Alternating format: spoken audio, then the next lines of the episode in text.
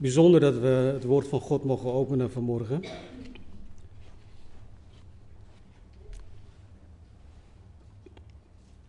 In Psalm 55, vers 23 staat geschreven: Werp uw zorg op de Heer en Hij zal u onderhouden. Hij zal dus ook voor ons zorgen. Hij zal voor eeuwig niet toelaten dat de rechtvaardige wankelt. En we zijn gerechtvaardigd in de Heer Jezus Christus. We hebben afgelopen uh, weken hebben wij uh, onze broeder Kasper gehoord over uh, zijn uitleg over de brief van Paulus aan de Romeinen. En um,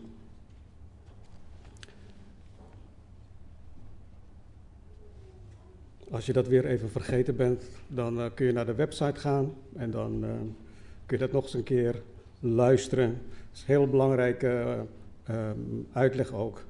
Vooral wat betreft hoofdstuk 3. Uh, maar daar gaan we het vandaag niet over hebben. Vanmorgen uh, wil ik beginnen met een vers uit het Evangelie van, uh, van de Heer Jezus Christus. Geschreven door de apostel Johannes. Weet je, wij, wij hebben zoveel boeken gelezen hè, op school, op de academie en voortgezet onderwijs. Nergens heb ik tot op heden kunnen lezen dat iemand verklaart en zegt: Ik ben de weg, de waarheid en het leven. Niemand komt tot de Vader dan door mij. Want Thomas, die dan, um, die stelt, heeft dus een, een vraag gesteld. En hij vraagt aan de juiste persoon, aan de Heer Jezus. Hij vraagt: hoe kunnen wij de weg weten? Dus als wij een vraag stellen, hoe stellen we de vraag aan? Wie stellen we de vraag? Want we hebben te maken met zoveel uh, issues hier in deze maatschappij, in de wereld. En um, we hebben daar allebei allemaal onze gedachten erover. Maar hij stelt de vraag aan de Heer Jezus: hoe kunnen wij de weg weten? Vandaag de dag worden de woorden ook nog steeds gebruikt. Hoe kunnen wij, puntje, puntje, puntje, die woorden worden nog steeds gebruikt. Hoe kunnen wij? Hoe kunnen wij nu verder met het leven? Hierover wordt door de Heer Jezus het volgende gezegd in Johannes hoofdstuk 17, vers 3. En dit is het eeuwige leven, opdat zij u mogen kennen, de enige ware God en Jezus Christus, die u hebt gezonden. Let op, deze vers maakt geen melding van hoe lang het duurt. Gaat niet over gezondheid, gaat niet over welvaart, gaat niet over je gezin, wat voor beroep je ook uitoefent. Het enige feit wat vermeld wordt is dat wij God leren kennen, dat wij Jezus Christus leren kennen. Maakt God zich dan zorgen over onze fysieke omstandigheden? Heeft de Heer Jezus niet gezegd? Wees niet bezorgd over uw leven over wat u eten en wat u drinken zult, ook niet over uw lichaam, namelijk waarmee u zich kleden zult.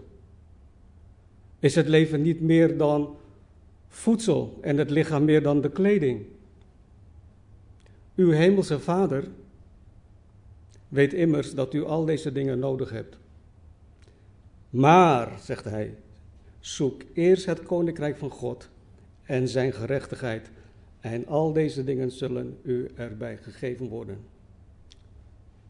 Het eeuwige leven wordt bepaald door een persoonlijke relatie met de Zoon van God, onze Heer Jezus Christus. Johannes schrijft in zijn eerste brief, in hoofdstuk 5, en dit is de getuigenis, namelijk dat God ons het eeuwige leven gegeven heeft. En dit leven is in zijn Zoon. Amen. Dit was even een korte introductie. Goed, Het thema van, uh, van morgen was er lang mee bezig geweest en uh, uiteindelijk is het thema waar bent u? En dat gaat niet, niet zozeer om de vraag zelf, maar het gaat eigenlijk wie is degene die hier de vraag stelt? Daar komen we later op terug. Laten we lezen uit hoofd, uh, het Evangelie van Johannes, hoofdstuk 3. Als u uw device wil opzoeken, uh, opzoeken of die Bijbel openen, neem rustig de tijd.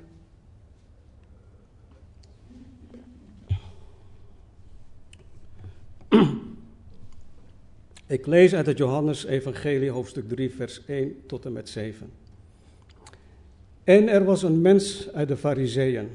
Zijn naam was Nicodemus, een leider van de Joden.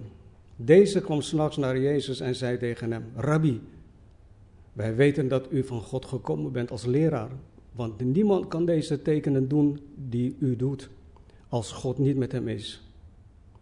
Jezus antwoordde en zei tegen hem: Voorwaar, voorwaar, ik zeg u, als iemand niet opnieuw geboren wordt, kan hij het koninkrijk van God niet zien. Nicodemus zei tegen hem: Hoe kan een mens geboren worden als hij oud is? Hij kan toch niet voor de tweede keer in de buik van zijn moeder ingaan en geboren worden?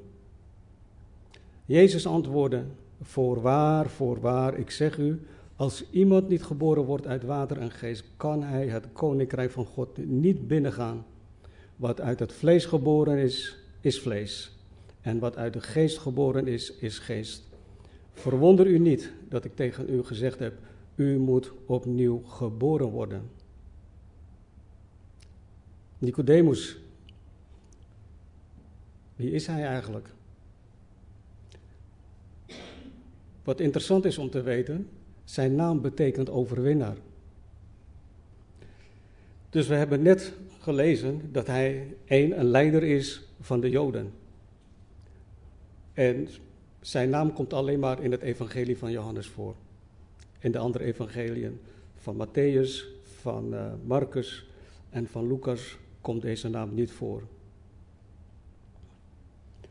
Verder lezen we dat Nicodemus s'nachts bij de Heer Jezus kwam. Wat zou nou de reden kunnen zijn om niet met de Heer Jezus samen gezien te worden? Waarom s'nachts? Is het angst? Schaamte? Ongeloof? Heel interessant is dat, hè? Maar er staat nergens hierover geschreven, maar dat is een gedachte die je zou kunnen krijgen.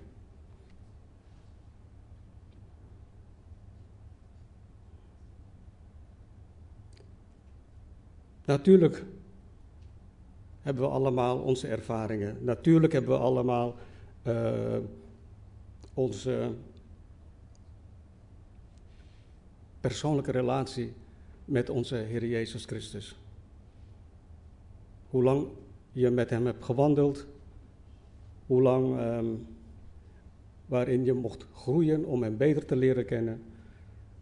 En we zien hier dat Nicodemus dus s'nachts bij de Heer Jezus komt of kwam.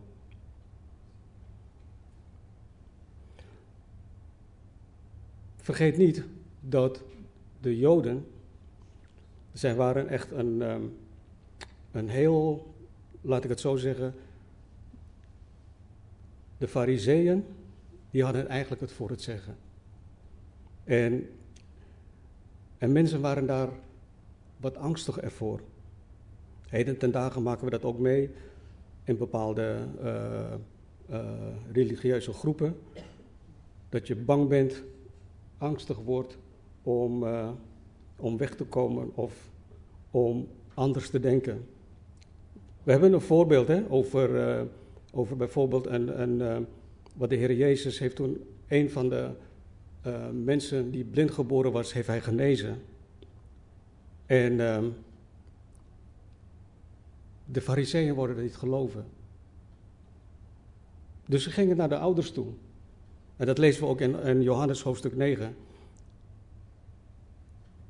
En de, en de ouders die, die, die zeiden tegen de fariseërs, weet je, vraag het het hem zelf. Weet je, want hij is oud en wijs genoeg. Maar waarom zeiden ze dat? En we lezen hier in Johannes hoofdstuk 9, vers 22. Dit zeiden zijn ouders omdat zij bevreesd waren voor de Joden. Want de Joden waren al overeengekomen dat als iemand zou beleiden dat hij de Christus was, hij uit de synagoge geworpen zou worden. In Johannes hoofdstuk 12 lezen we ook, en toch geloofden ook velen van de leiders in hem, maar vanwege de fariseeën beleden zij het niet, omdat zij niet uit de synagoge geworpen zouden worden. Heel herkenbaar. Althans, voor mij is het heel herkenbaar. We, merken het ook binnen ehm, de gemeenschap waar ik uh, in geboren ben, met onze tradities, met onze uh, waarden en normen. En de verbondenheid naar elkaar toe via uh, diverse bloedverbonden die we met elkaar hebben. Om dan te zeggen, ik volg nu de Heer Jezus Christus. Ik heb nu een bloedverbond met de Heer Jezus Christus. Dus de Heer Jezus is bij machten om mensen die blind zijn weer zien, uh, te laten zien. Wij waren vroeger ook blind. Niet fysiek blind, maar we waren geestelijk blind. Een vraag. Hoeveel mensen in uw omgeving zijn er blind voor de schepping van de Almachtige God, van de Schepper van hemel en aarde. In Johannes hoofdstuk 7, vers 50 lezen we het volgende. Nicodemus, die s'nachts bij hem gekomen was, die een van hen was, zei tegen hen: Veroordeelt soms onze wet de mens als zij hem niet eerst hoort en kennis genomen heeft van wat hij doet? Hier lezen we dat Nicodemus het voor de Heer Jezus opnam. Want de dienaars van het Sanhedrin zeiden: Nooit heeft een mens zo gesproken als deze mens. De fariseeën dan antwoorden hun: Bent u soms ook misleid? Maar deze menigte die de wet niet kent, is vervloekt. Hoe men over hoe je als een leider van de fariseeën, dat je zo kan praten over de mensen die je eigenlijk voor moet zorgen. Om te zeggen van, ja, ze kennen de wet niet, weet je, vervloekt zijn zij. En daarom zijn de mensen bang hè, om voor de Heer Jezus uit te komen omdat ze bang zijn dat ze uitgeworpen worden uit die gemeenschap.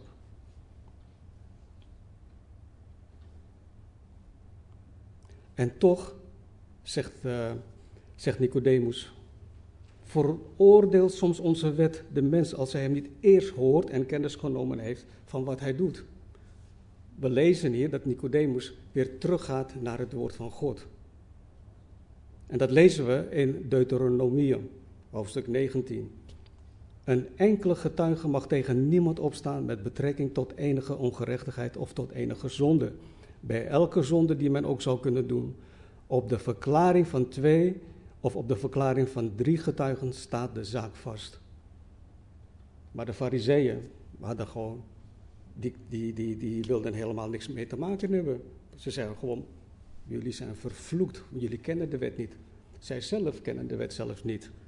Daarom zegt uh, Nicodemus, laten we teruggaan naar het woord van God en we lezen wat er staat. En dat doen wij hier in de Calvary Chapel Haarlemmermeer ook. Halleluja. Dank u, Heer Jezus Christus. Ook schrijft Paulus aan, uh, aan Timotheus uh, in zijn eerste brief. Neem tegen een ouderling geen beschuldiging aan, tenzij er twee of drie getuigen zijn. Het is altijd horen en wederhoren. Ik maak dat op mijn werk ook mee.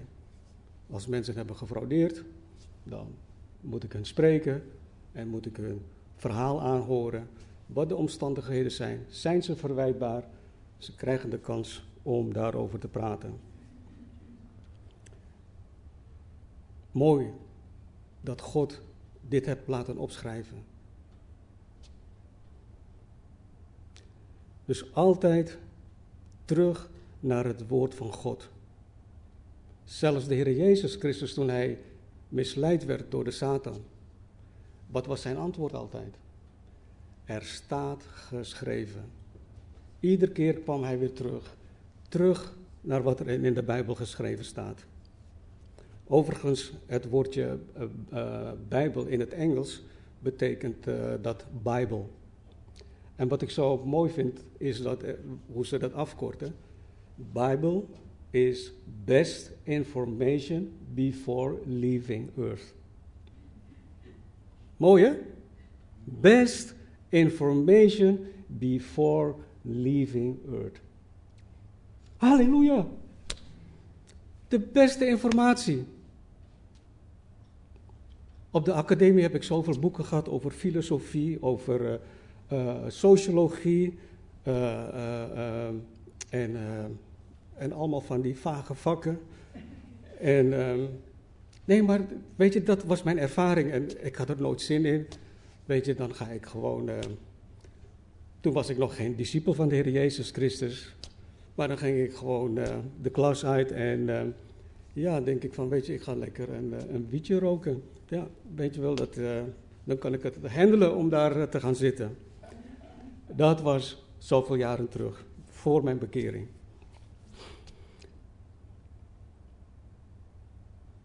Vaak, als we met het woord van God komen, er is, er is altijd iemand die zegt, ja maar. We hebben altijd excuses Zelfs toen de, toen de, toen de gemeente ontstond, hè, dat, dat, dat de discipelen, de eerste discipelen, die waren vervuld met de Heilige Geest.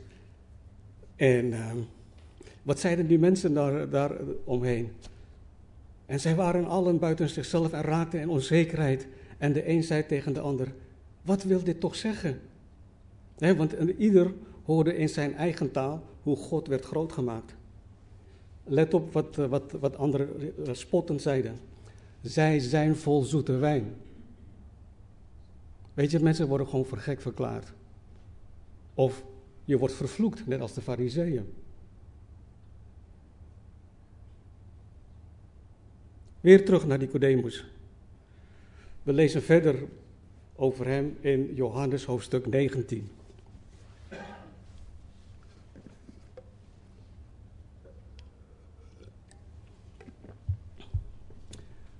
En Nicodemus, vers 39 lees ik. En Nicodemus, die eerst s'nachts naar Jezus toegekomen was, kwam ook en bracht een mengsel van mirre en aloe mee, ongeveer 100 pond. En een pond in die, in die tijd was, uh, had een gewicht van ongeveer 340 gram. En, uh, want Jezus was al aan het kruis gehangen voor onze zonden, wat we ook net hebben uh, gezongen.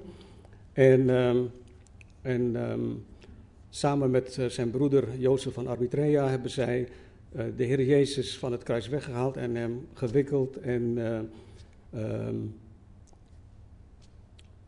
en hij had 100 pond. En dat is dan in kilo's uitgerekend bijna 34 kilo. Is wel veel hoor, 34 kilo. 34 kilo. En um, dus we zien dus dat Nicodemus ervoor uitkomt om openlijk de Heer Jezus Christus te volgen. Ondanks wat de gevolgen zouden kunnen zijn. Wat, wat zouden de gevolgen zijn? Dat hij uit de synagoge geworpen zou worden. En zelfs, hè, na de kruising van de Heer Jezus, was alleen hij en Jozef aanwezig de discipelen die met hem een lange tijd waren, waren er niet bij. Dus we zien hier een Nicodemus die s'nachts bij de Heer Jezus komt en hem vragen stelt.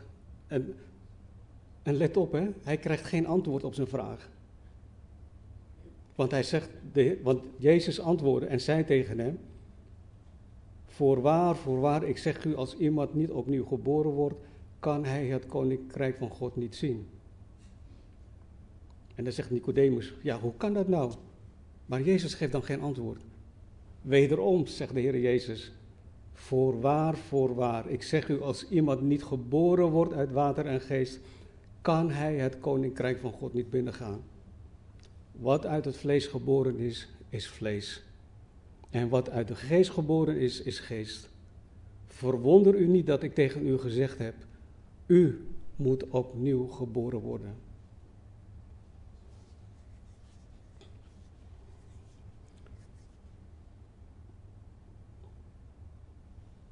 En dat is het verhaal even van Nicodemus, die s'nachts bij de Heer Jezus gekomen is, maar later openlijk ervoor uitkomt om hem te volgen.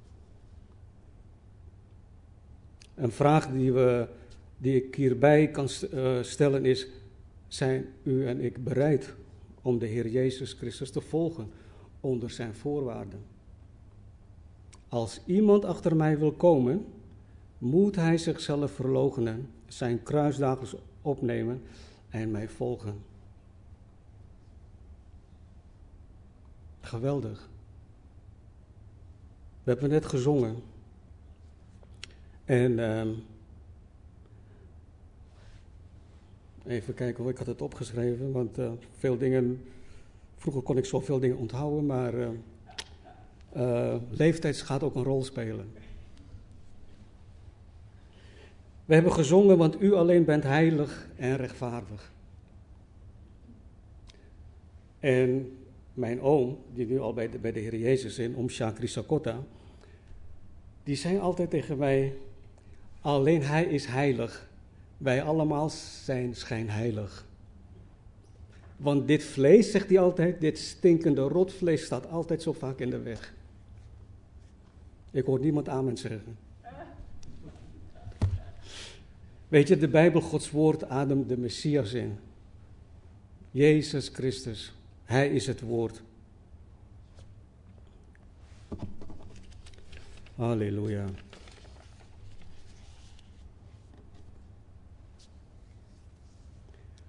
In, in 1 Petrus, uh, hoofdstuk 1, lezen wij: U die opnieuw geboren bent, niet uit vergankelijk, maar uit onvergankelijk zaad door het levende en eeuwig blijvende woord van God. Want alle vlees is als gras en al de heerlijkheid van de mens is als een bloem in het gras. Het gras is verdord en zijn bloem is afgevallen. Maar het woord van de Heer blijft tot in eeuwigheid. En dit is het woord dat onder u verkondigd is. Jezus Christus. Hij is het woord En dat geldt ook voor ons, hè, bij mannen. Um,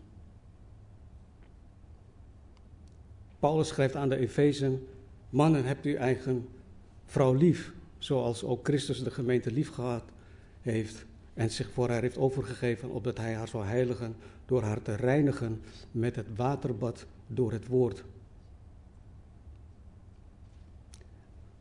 Wat zou de reden nog meer kunnen zijn dat de Heer Jezus zegt tegen ons: Je moet opnieuw geboren worden.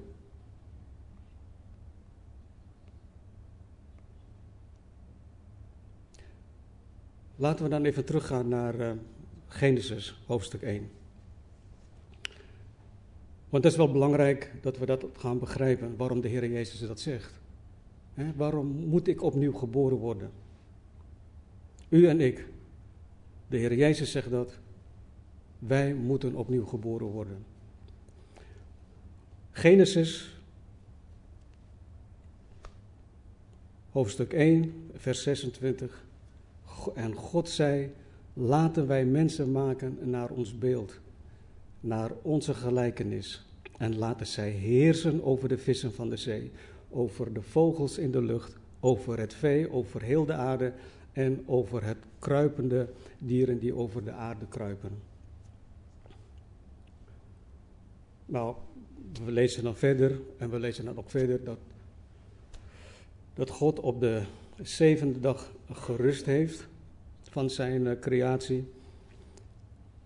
Dat wil dus niet zeggen dat hij moe is. Hè? Als, God, als we lezen dat God uh, rust genomen heeft. Met andere woorden, hij is gestopt met creëren. Dus niet denken, oh, mijn God wordt ook moe.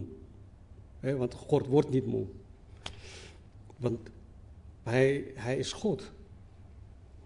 En wij hebben een beperkt vermogen om God echt goed te kunnen begrijpen. Hoe, hoe, dat, hoe, dat, hoe dat bij hem in zijn werk gaat. Hoe kan hij op veel plaatsen tegelijk zijn?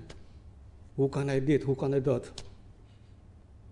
Maar we, weet je, we zijn God dankbaar dat hij ons de gave van geloof heeft gegeven. Wij mogen geloven dat Jezus Christus, hij is de Zoon van God. Genesis hoofdstuk 2, vers, uh, vers 7 en 9. Toen vormde de Heere God de mens uit het stof van de aardbonen en blies de levensadem in zijn neusgaten. Zo werd de mens tot een levend wezen. We zijn gevormd uit het stof. Hebben jullie wel eens stof gezien? Gevoeld? Wij zijn uit stof gemaakt. Dat lezen we in de Bijbel. Zo werd de mens tot een levend wezen. Ook plantte de Heere God een hof in Eden, in het oosten. En hij plaatst daar de mens die hij gevormd had. En de Heere God liet allerlei bomen uit de aardbomen opkomen. Begerenswaardig om te zien en goed om van te eten. Ook de boom des levens in het midden van het hof. En de boom van de kennis van goed en kwaad. In het boek Openbaring, hoofdstuk 2, staat ook hier wat over, uh, over het boom des levens. Wie oren heeft, laat hij horen wat de geest tegen de gemeenten zegt. Wie overwint, hem zal ik te eten geven van de boom des levens die midden in het paradijs van God staat.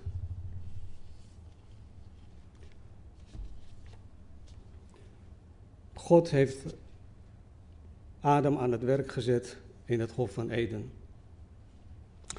En, en hij zegt tegen, uh, tegen Adam: Van alle bomen van de hof mag u vrij eten. Maar van de boom van de kennis van goed en kwaad, daarvan mag u niet eten. Want op de dag dat u daarvan eet, zult u zeker sterven. We lezen verder in het uh, hoofdstuk. Maar de mens voor de mens vond hij geen hulp als iemand tegenover hem. Toen liet de Heere God een diepe slaap op Adam vallen, zodat hij in slaap viel. En hij nam een van zijn ribben en sloot de plaats ervan toe met het vlees. En de Heere God bouwde de rib die hij uit Adam genomen had tot een vrouw en hij bracht haar bij Adam. Mooi is dat, hè?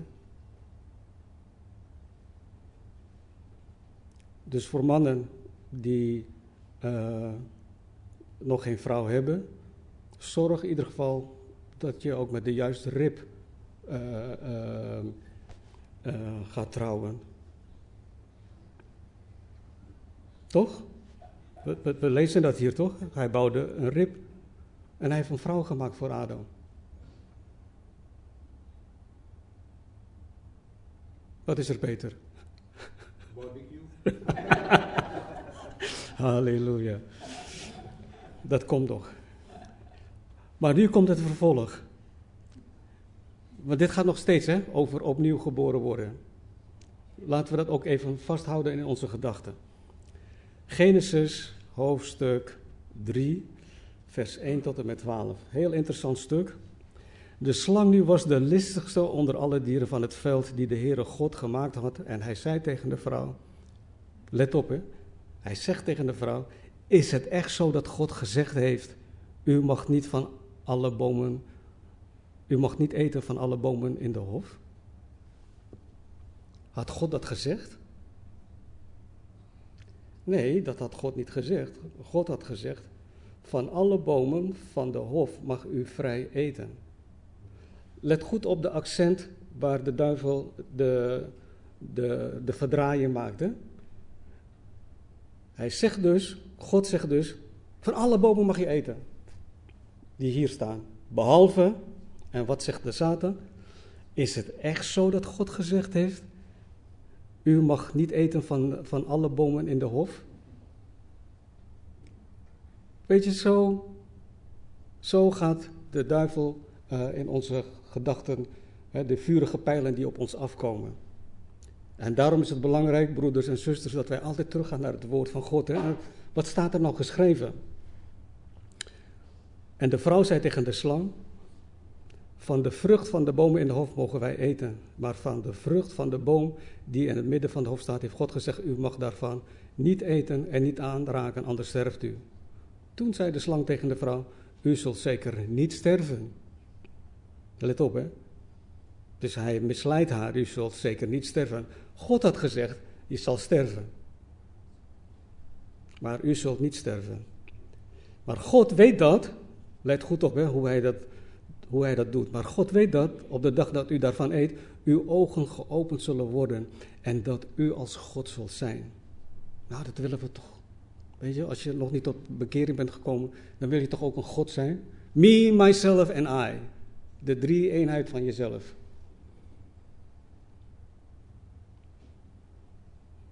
En dat je goed en kwaad kennend. En de vrouw zag dat die boom goed was om ervan te eten. En dat hij een lust was voor de ogen. Ja, een boom die begeerenswaardig was om er verstandig door te worden. Dat denken we dan, we worden verstandig. Als we ons door, door, uh, door Satan laten misleiden.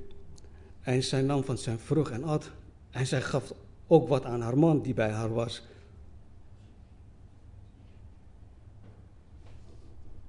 En hij at ervan. Toen werden de ogen van beiden geopend. Hun ogen werden geopend en zij merkten dat zij naakt waren. Vreemd hè, al die tijd stond je lekker poedelnaakt met elkaar eh, in het hof, uh, was je daar bezig. En plotseling, oh, wat zie ik daar?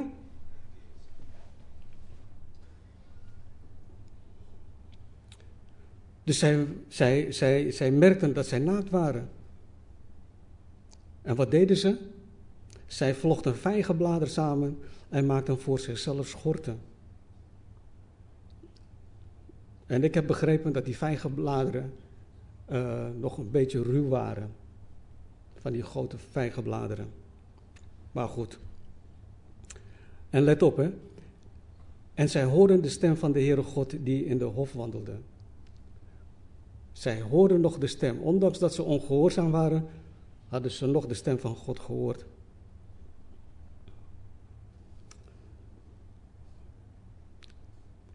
Toen verborgen Adam en zijn vrouw zich voor het aangezicht van de Heere God. Dus je hebt iets gedaan wat je niet mocht doen en dan ga je verstoppen voor God. Hoe vaak verstoppen wij niet voor God?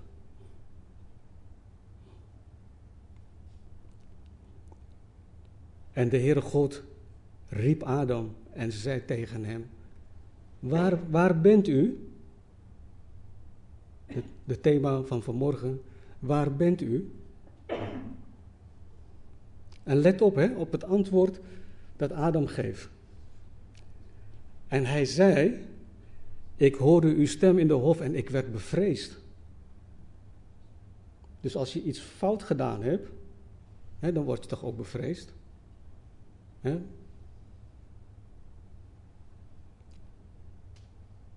Want als je gepakt wordt door de politie, dan weet je nog niet wanneer je vrijkomt. Want je moet nog eens een keer verhoord worden. Je moet nog eens een keer naar de rechtbank gaan en noem maar op en noem maar op. en hij zei, ik hoorde uw stem in de hof en ik werd bevreesd, want ik ben naakt. Daarom verborg ik mij.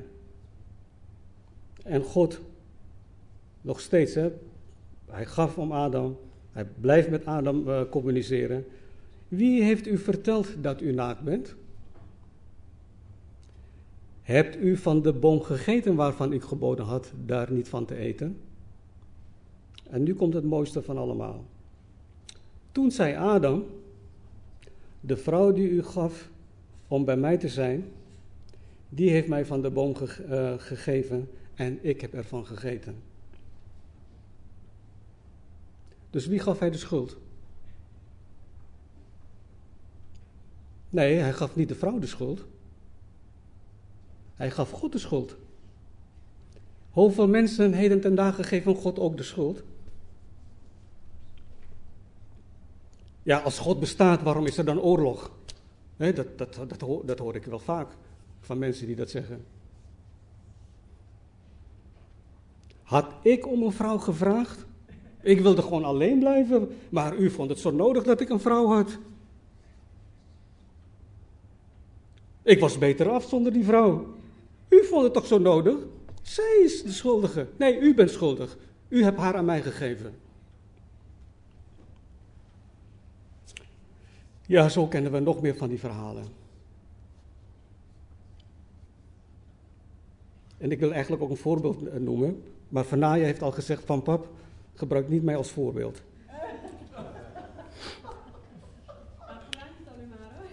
Oké, goed. Zij had uh, goed haar best gedaan. Zij was geloof ik een jaar of 13, 14. En, uh, en ze wilde graag een iPhone hebben. En uh,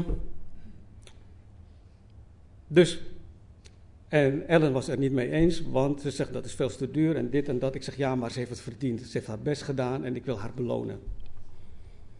Dus ik had een abonnement geregeld voor haar. Ik had die iPhone gekocht en uh, ik zeg, je hebt 25 euro te goed.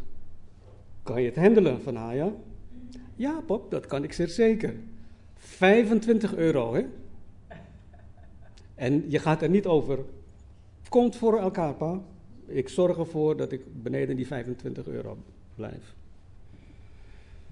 Ik krijg de eerste rekening binnen. Je voelt hem al aankomen. Het was 125 euro.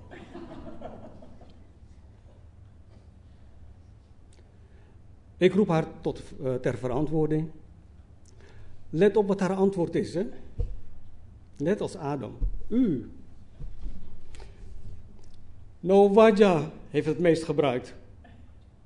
Oh, uh, wacht eens even, zeg ik. Van wie is die telefoon? Wat hebben we afgesproken? Ik zeg, binnen een week wil ik 100 euro op mijn tafel zien. Hoe ze eraan komt, ze heeft het geld op tafel gelegd. Eigenlijk niet gelegd, maar meer zo. Zo. Beetje boos op de vader. Maar zo zijn wij ook, om altijd een ander de schuld te geven. En hoe komt het dat wij altijd anderen de schuld geven? Omdat door de ongehoorzaamheid van Adam zijn wij geboren met een natuur die tegen God is. Ongehoorzaam. Jullie die, wij die kinderen hebben, hebben we. Wie heeft onze kinderen geleerd om uh, ongehoorzaam te zijn?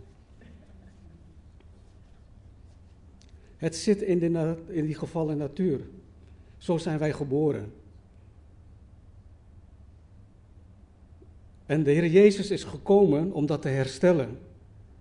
En daarom zegt hij ook, je moet opnieuw geboren worden. We hadden eens een keer uh, een, een, een, een, studie, ik weet niet meer over welke boek. En een van de broeders of zusters toen in die tijd, die heeft toen een, uh, een kennis meegenomen die een boekhouder is. En uh, we kwamen ook op dit onderwerp. En, um, en toen zei hij, ja, maar ik ben altijd, ik ben altijd eerlijk. Ik zeg, nou ja, prima, maar dan ben je een eerlijke zondaar. Want je natuur blijft. Je bent een zondaar.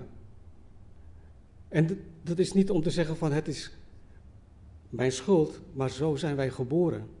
Wij zijn geboren. Kijk maar naar onze kinderen. zodra ze al beginnen te kruipen, dan willen ze met hun vinger in die stopcontact zitten. of, of, of waar dan ook. En als ze al eh, meer kunnen uh, kruipen en kunnen lopen, wat zijn de eerste woorden die, die de kinderen horen? Nee, niet doen, mag niet. Toch, Amit?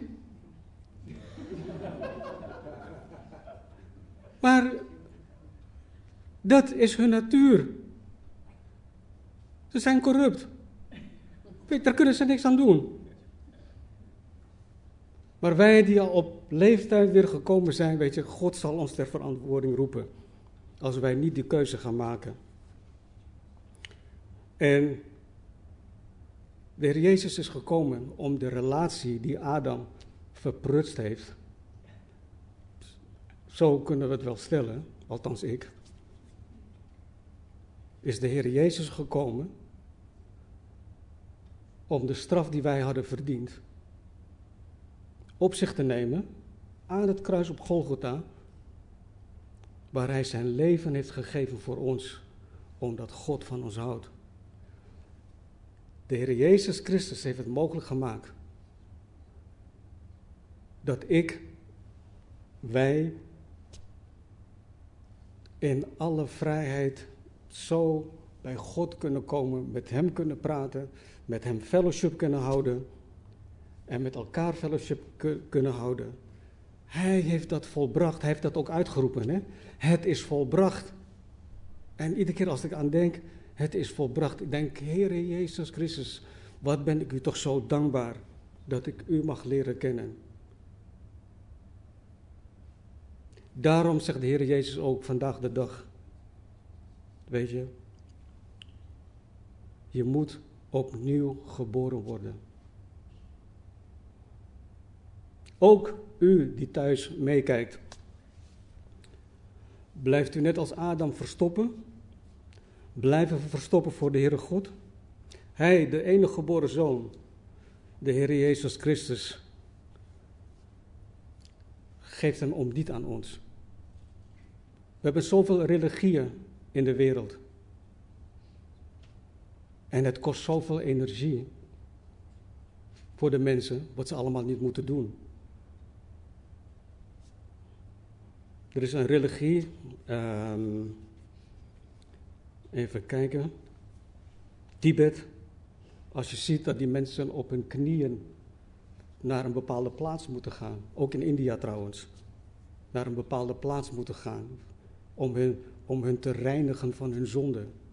Terwijl de Heer Jezus al aan het kruis is gestorven voor u en voor mij. Om niet krijgen we dat. We hoeven er niks voor te doen. Zoals we zijn, zo mogen we ook bij Hem komen. Paulus schrijft aan de Efezen ook: hè? In Hem hebben wij de verlossing door Zijn bloed. Namelijk de vergeving van de overtredingen overeenkomstig de rijkdom van Zijn genade. Het volk Israël, als ze hadden gezondigd, dan moesten ze een lam offeren, of een schaap, of, uh, of een ram, waardoor het onschuldig uh, dier, zijn bloed, wordt, daarmee wordt dan de zonde bedekt. Dus dit is de zonde en het bloed wordt bedekt, waardoor er weer een beetje communicatie was met God. Maar bij de Heer Jezus Christus is, zijn onze zonden gedelete.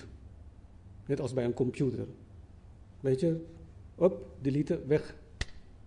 Staat nog wel ergens in de prullenbak, maar ook dat kan je weg deleten. Het is weg. En vanmorgen, op weg hier naartoe, zei ik tegen Ellen van, mooi hè, die sneeuw hè. Witter, witter dan de sneeuw. Weet je, God gedenkt, mijn zonden, onze zonden zijn er niet meer. En dan kijk je naar de sneeuw en denk ik, oh mijn God, wat ben ik u toch zo dankbaar. Hè? Er, is, er is geen aanklacht meer tegen mij, tegen, tegen ons. Want wij zijn uw kinderen geboren. Door uw genade zijn wij opnieuw geboren. En, en wat zegt de Bijbel nog meer? Paulus schrijft aan, aan, aan, aan zijn brief 2 Korinthe hoofdstuk 5. Zo is wie in Christus is een nieuwe schepping geworden. Het oude is voorbij en het is alles nieuw geworden. Wij zijn nieuw geworden mensen. En we zeggen echt nieuw, hè? We zijn echt nieuw gemaakt. We hebben een nieuw hart gekregen. Het steen van hart verwijderen en we krijgen een vlees hart. We zijn een nieuwe schepping geworden. Dus met andere woorden, er wordt niet gesleuteld aan je oude ik. Die oude ik bestaat voor God niet meer. Paulus zegt uh, in zijn brief aan de Colossensen dat wij in Christus volmaakt zijn. Maar de vraag is, die wij ons dan altijd stellen, ja, maar ik voel mij niet volmaakt. Heeft God daar een boodschap aan? Hoe ik erover denk? Als God zegt van, nou, je bent volmaakt, dan, dan zegt God dat, wat er staat in zijn woord geschreven. Dus God heeft geen boodschap aan wat je denkt of wat je zegt. Jij bent mijn kind, ik ben je vader, ik zorg voor jou. Jou treft geen schuld meer, je bent nou mijn kind geworden. Je bent een nieuw mens geworden. Splinternieuw, elke dag. En we hebben ook een belofte meegekregen. Mochten wij ooit zondigen, wat, zegt, wat leert de Bijbel? 1 Johannes hoofdstuk 1. Wanneer wij onze zonde beleiden. Weet je, het bloed van Christus reinigt ons daarvan. Simpel. De Heer Jezus heeft gezegd: Het is volbracht. Er is zoveel nood in de wereld, lieve mensen. Nicodemus kwam in de nacht naar de Heer Jezus toe om een gesprek met hem te hebben. U mag het nu doen. U hoeft niet te wachten tot vanavond, tot het nacht is. Ook voor u die meekijkt. De tijd is nu.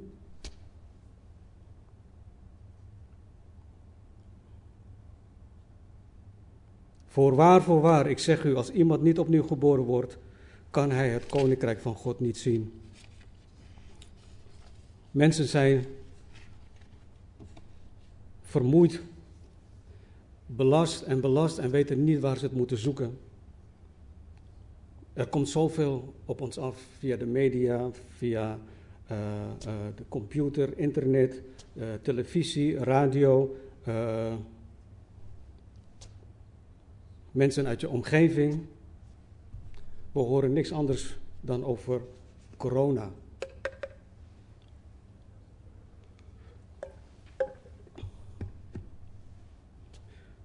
Maar de Heer Jezus had dat al gezegd. Had dat gezegd in Matthäus hoofdstuk 24. Pas op dat niemand u misleidt, want velen zullen komen onder mijn naam en zeggen: Ik ben de Christus, en zij zullen velen misleiden. U zult horen van oorlogen en geruchten van oorlogen. Pas op, word niet verschrikt, want al die dingen moeten gebeuren. Moeten gebeuren, dus het gaat ook gebeuren. Maar het is nog niet het einde, want het ene volk zal tegen het andere volk opstaan. En het ene koninkrijk tegen het andere koninkrijk. En er zullen hongersnoden zijn. En besmettelijke ziekten en aardbeving in verschillende plaatsen. Maar al die dingen zijn nog maar een begin van de weeën. De Heer Jezus waarschuwt ons al daarvoor. We hebben te maken met, met lockdowns uh, in mijn werk heb ik te maken met mensen die een, een, een uitkering aanvragen. En als je dan hoort van, vanwege wat voor redenen, echtscheiding, huiselijk geweld, partner uh, verslaafd um, en noem maar op. We lezen ook dat zelfs kinderen van 13 jaar anderen andere neersteken met een mes. 13 jaar. Als ik terugdenk dat ik die leeftijd van 13 jaar had, is het nooit in me opgekomen om een mes te pakken en iemand neer te steken. Maar tegenwoordig gebeurt dat wel. Hoe nu verder? Vandaag vraagt ook de Heere God aan u. Waar bent u? God nodigt ons uit om naar Hem te komen, zonder enige voorwaarden, rituelen, waar dat vaak in andere religieën wel het, het, het zo is. En wat ik zo mooi vind, hè, dat de Heer Jezus dan ook zegt: Kom naar mij toe, allen die vermoeid en belast zijn, Ik zal u rust geven. Neem mijn juk op u en leer van mij dat ik zachtmoedig ben en nederig van hart. U zult rust vinden voor uw ziel, want mijn juk is zacht en mijn last is licht. Waar vind ik rust in deze tijd? De Heer Jezus Christus, de Zoon van God, zegt hier: Ik zal u rust geven. Hij is ook degene die gezegd heeft: Ik ben de weg, de waarheid en het leven. En niemand komt tot de Vader dan door mij. Ik hoor vaak mensen zeggen van, ja, nou maar alle wegen leiden toch naar Rome. Ik zeg dat klopt, alle wegen leiden ook naar God. En uiteindelijk zullen degenen die niet hun knieën willen buigen en niet willen beleiden, dat alsnog moeten doen. Want er staat geschreven, ieder tong zal beleiden en ieder knie zal buigen en zeggen dat Jezus Christus, Hij is Heer. Amen. Vader in de hemel, dank u wel. Heer, dat we vanuit uw woord hebben mogen lezen. We danken u. U bent een God van trouw. En vanmorgen vragen wij u ook. Help ons, Heer, om u trouw te blijven. Wij hebben u zo hard nodig, Heere God. Want zonder u, Heer, weten we dat we het niet zullen redden. Dus wij vragen u, Heer, schenk ons alstublieft nog meer van uw alles overtreffende genade. Dat wij u blijven behagen, dat wij u blijven gehoorzamen, dat wij u trouw zullen blijven. Totdat het moment aanbreekt dat wij straks in een ondeelbaar ogenblik veranderd zullen worden en u tegemoet mogen gaan in de lucht. En wat een dag zal het zijn wanneer wij zien uw gelaat zo rein. Halleluja. Dank u, Heer Jezus Christus. Amen.